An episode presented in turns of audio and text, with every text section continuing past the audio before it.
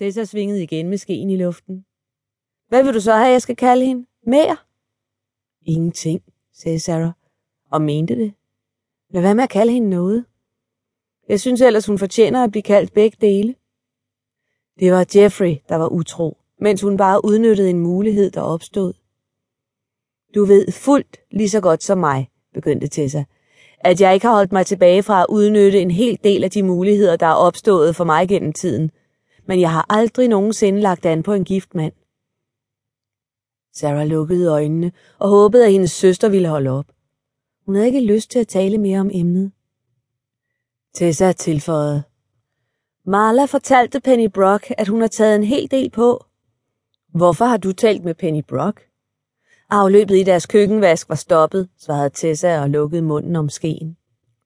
Tessa var holdt op med at arbejde på fuld tid sammen med deres far i familiens VVS-firma, da hendes mave gjorde det umuligt for hende at kravle ind i trange køkkenskabe og lignende, men hun var stadig i stand til at rense et tilstoppet afløb med en svupper. Tessa fortsatte. Ifølge Penny er hun på størrelse med en flodhest. På trods af sine bedste intentioner kunne Sarah ikke lade være med at føle et øjebliks triumf, der dog blev afløst af en bølge af skam over, at hun glædede sig over en anden kvindes voksende taljemål og røv. Skiltepigen havde allerede været rigeligt rundt om hofterne i forvejen. Jeg kan se, at du smiler, sagde Tessa. Det var rigtigt nok.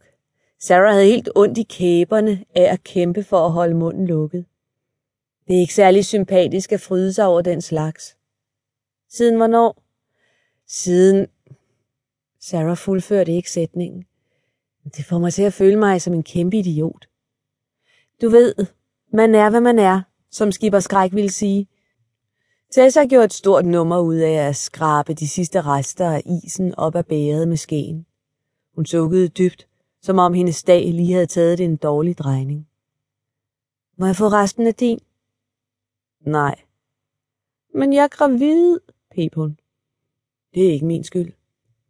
Tessa fortsatte med at skrabe bunden af bæret med skeen, og det gjorde ikke ligefrem Sarah i bedre humør, at hun også begyndte at klø sig under den ene fod ved at knide den energisk mod det polerede træ på instrumentbrættet. Der gik et helt minut, før Sarah mærkede sin dårlige samvittighed ramme som et lynnedslag. Hun prøvede at undertrykke sin irritation ved at spise noget mere af isen, men hun kunne næsten ikke få den ned. Okay, så tag den da dit pattebarn, sagde hun og rakte Tessa bæret. Tusind tak, svarede Tessa sødt. Måske skulle vi købe lidt mere, så vi også havde noget til senere, foreslog hun. Hvis du bare gider være den, der henter denne gang. Jeg har ikke lyst til, at de tænker, at jeg er en gris, og hun smilede sødt og blinkede med øjnene. Jeg er bange for, at den unge fyr bag skrænten er træt af mig. Hvordan skulle det dog være sket? Tessa blinkede uskyldigt. Nogle mennesker er bare frygteligt følsomme. Sarah åbnede døren og var kun glad for at få en chance for at slippe ud af bilen. Hun var kommet et par meter væk, da Tessa rullede vinduet ned. Jeg ved det godt, sagde Sarah. Ekstra chokolade. Ja, men lige et øjeblik. Tessa tog et øjeblik for at slikke noget is af siden af sin mobiltelefon, før hun rakte den ud af vinduet.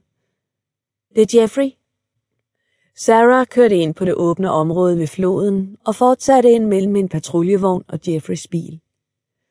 Hun rynkede bekymret panden, da hun hørte en række småsten blive slynget op på siderne af bilen. Den eneste grund til, at hun havde udskiftet sin lille convertible med plads til blot to med en større model, var, at der ikke var plads til et barnesæde i hendes gamle bil. Men nu frygtede hun, at på grund af både Tessa og elementerne, ville den nye BMW ligne et gammelt vrag, før hendes søster overhovedet havde nået at føde. Er det her? spurgte Tessa. Jep. Sarah trak håndbremsen og lod blikket glide ud over det udtørrede flodleje.